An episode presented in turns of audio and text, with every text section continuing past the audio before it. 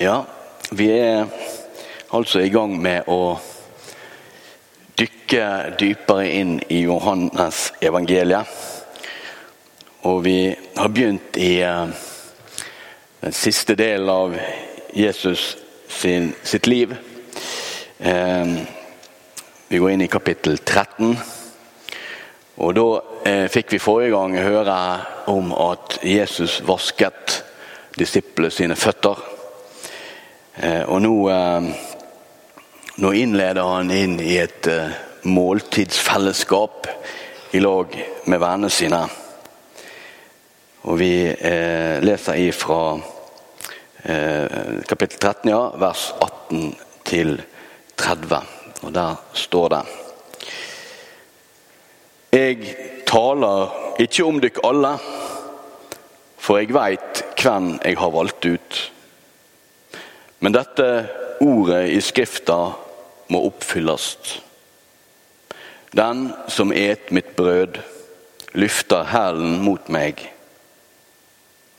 Jeg sier det til dykk nå, før det hender, slik at det når det hender, skal tru at jeg er. Sannelig, sannelig, jeg sier dykk, den som tek imot ein jeg sender, tek imot meg. Og den som tek imot meg, tek imot Han som har sendt meg.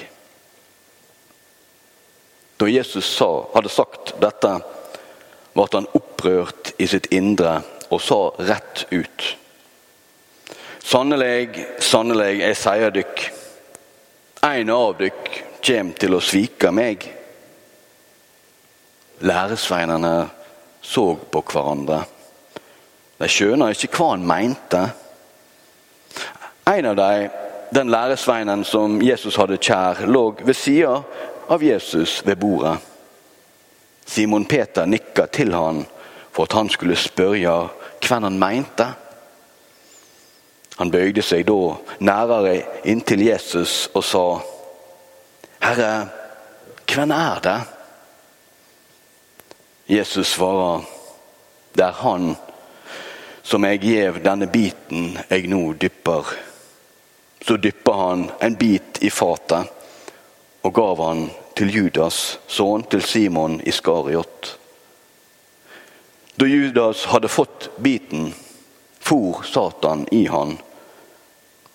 Jesus sier til han, gjør det snart det du vil gjøre. Men ingen av de andre ved bordet skjøna hva han mente med dette. Siden Judas hadde ansvar for pengekassa, tenkte somme at Jesus ville at han skulle gå og kjøpe det de trong til høgtida, eller at han skulle gi noe til de fattige. Med det samme Judas hadde fått biten, gikk han ut. Det var natt. Slik lyder Herrens ord.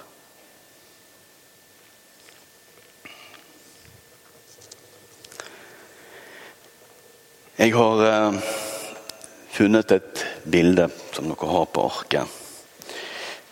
Og jeg har prøvd å sette inn altså, Vi ser Jesus i midten som vanlig. Og så ser vi Judas ved enden av bordet. Og det vi kanskje ikke helt skuer så lett, men bak der så har han pengepungen.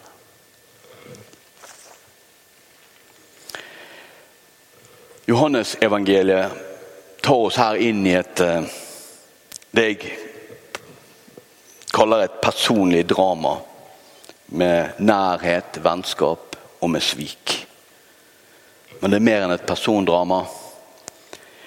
Det er av kosmisk karakter. Eh, det er en kamp mellom lys og mørke. Mellom godhet og ondskap.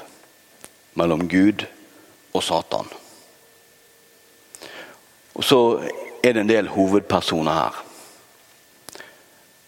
Og det er noe av det, det spennende med akkurat denne teksten. Det er den nærhet som Jesus har til sine.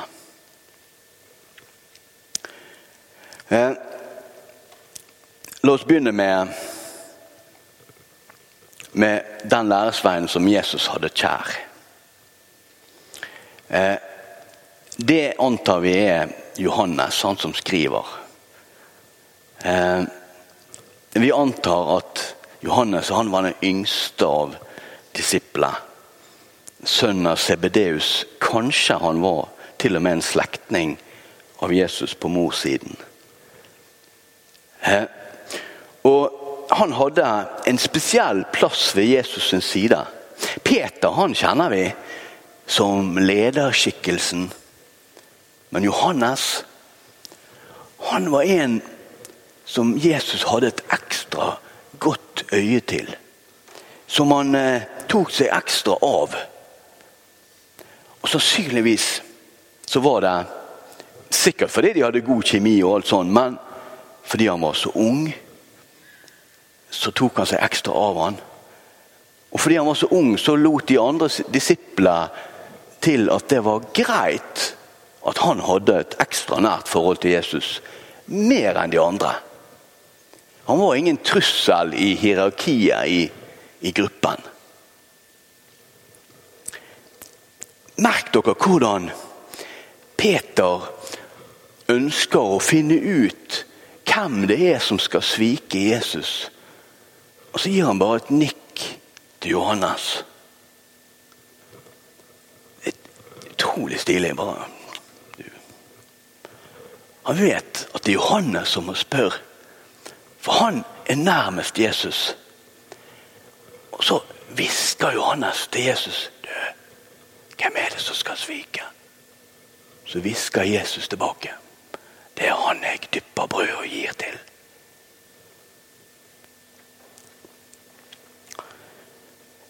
Det at det er han Judas som skal svike Jesus. Hvis vi ser på alle tegninger, alle bilder av Judas og sånn, så virker det som om at det er liksom med største naturlighet. Han er liksom det naturlige valget. Judas. Du ser det liksom på han. Det er Judas som skal svike. Men det er ikke naturlig i hele tatt. Fins ikke naturlig. Det er ingen av disiplene ante hva Jesus hva, Noen som skal svike deg? Hvem kan det være? Har ikke peiling. Veldig interessant. Det er ikke sånn at det, det var helt naturlig at det var han Judas. Men Jesus, han visste det. Han visste det. Men han hadde òg han hadde et like nært forhold til Judas som han hadde til alle de andre disiplene. Det, Jesus begynner jo denne sekvensen her med å, å si at, eh, å, å, vise til Salme 41. Den som et mitt brød, løfter hælen mot meg. Han innleder med det. Og hva den sier med det? Jo, hvem spiser i sammen? Jo, det er de nærmeste. Familie, venner, gjester. Å løfte hælen mot noen, det er å gjøre sånn. Det er å gå fra noen. Så Jesus innleder med å si at en av mine nære skal gå fra meg. Og så er det den som jeg dypper brødet og gir til. Og det å ta et brød og dyppe og gi til noen, var på Jesus sin tid et tegn på en ekstrem nærhet. Så Judas er ikke en naturlig det er han som skal gjøre dette her. Han skal svike Jesus. Selvfølgelig. Han hadde sikkert ikke noe bra forhold til Jesus. Vet dere hva? Judas sto Jesus ekstremt nær.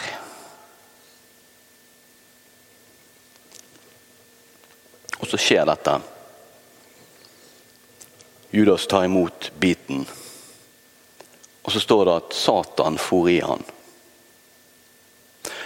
Og da må ikke vi tenke at da blir han demonbesatt.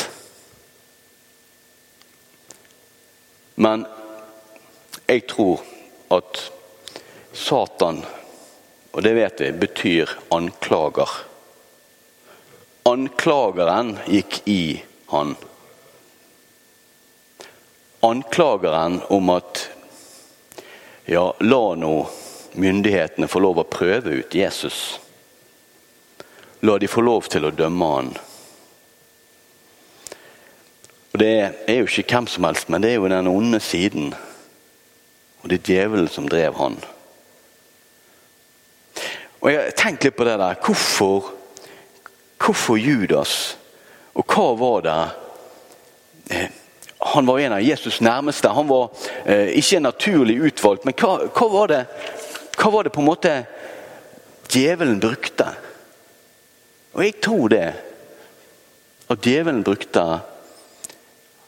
den knappen som han visste han kunne bruke på Judas. Judas, han er villig til å svike for penger. Og han brukte den. Og jeg tenker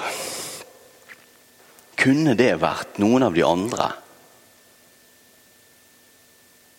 Og så tenker jeg på oss. Kunne det vært deg eller meg? Og svaret er dessverre ja. For djevelen vet hva knapp han skal trykke på hos deg, og han vet det hos meg. Så trykker han på knappen hos Judas, og Judas biter på og sluker det hele. Jeg har tenkt mange ganger på Er det Men var ikke, ikke dette en del av Jesus sin plan i utgangspunktet?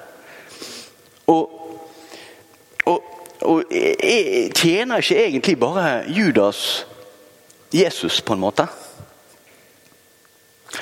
Det er Det sies om det er mye som brukes om, om sauer og sånn i Bibelen. Men det er enkelte sånne slakt, slakteri som bruker eh, Når de kommer med sauer skal slaktes, så er det noe med sauene De vet at det er et eller annet feil her. De vil nekte å gå ut av denne her bilen for å gå inn på slakteriet. Av en eller annen grunn. Også de vet at her er det Dette er feil. Noe ille kommer til å skje her. Så er det noen slakteri som har en sau som lever der på slakteriet. Han er vant til å være der. Og når disse sauene skal slaktes, kommer, så tar de denne sauen, som er trygg og grei, den tar de inn i bilen. Og så sier de til den sauen 'kom, kom'. Så går den, og alle andre følger etter.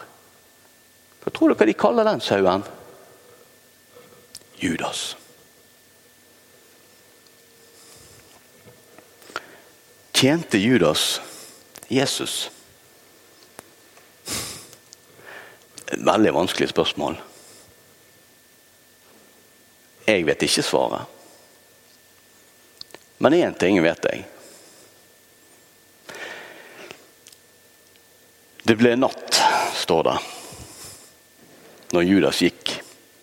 Og Det er som om at Johannes beskriver at nå har mørket seiret. Ondskapen seiret. Sviket seiret. Satan seiret. Og så vet vi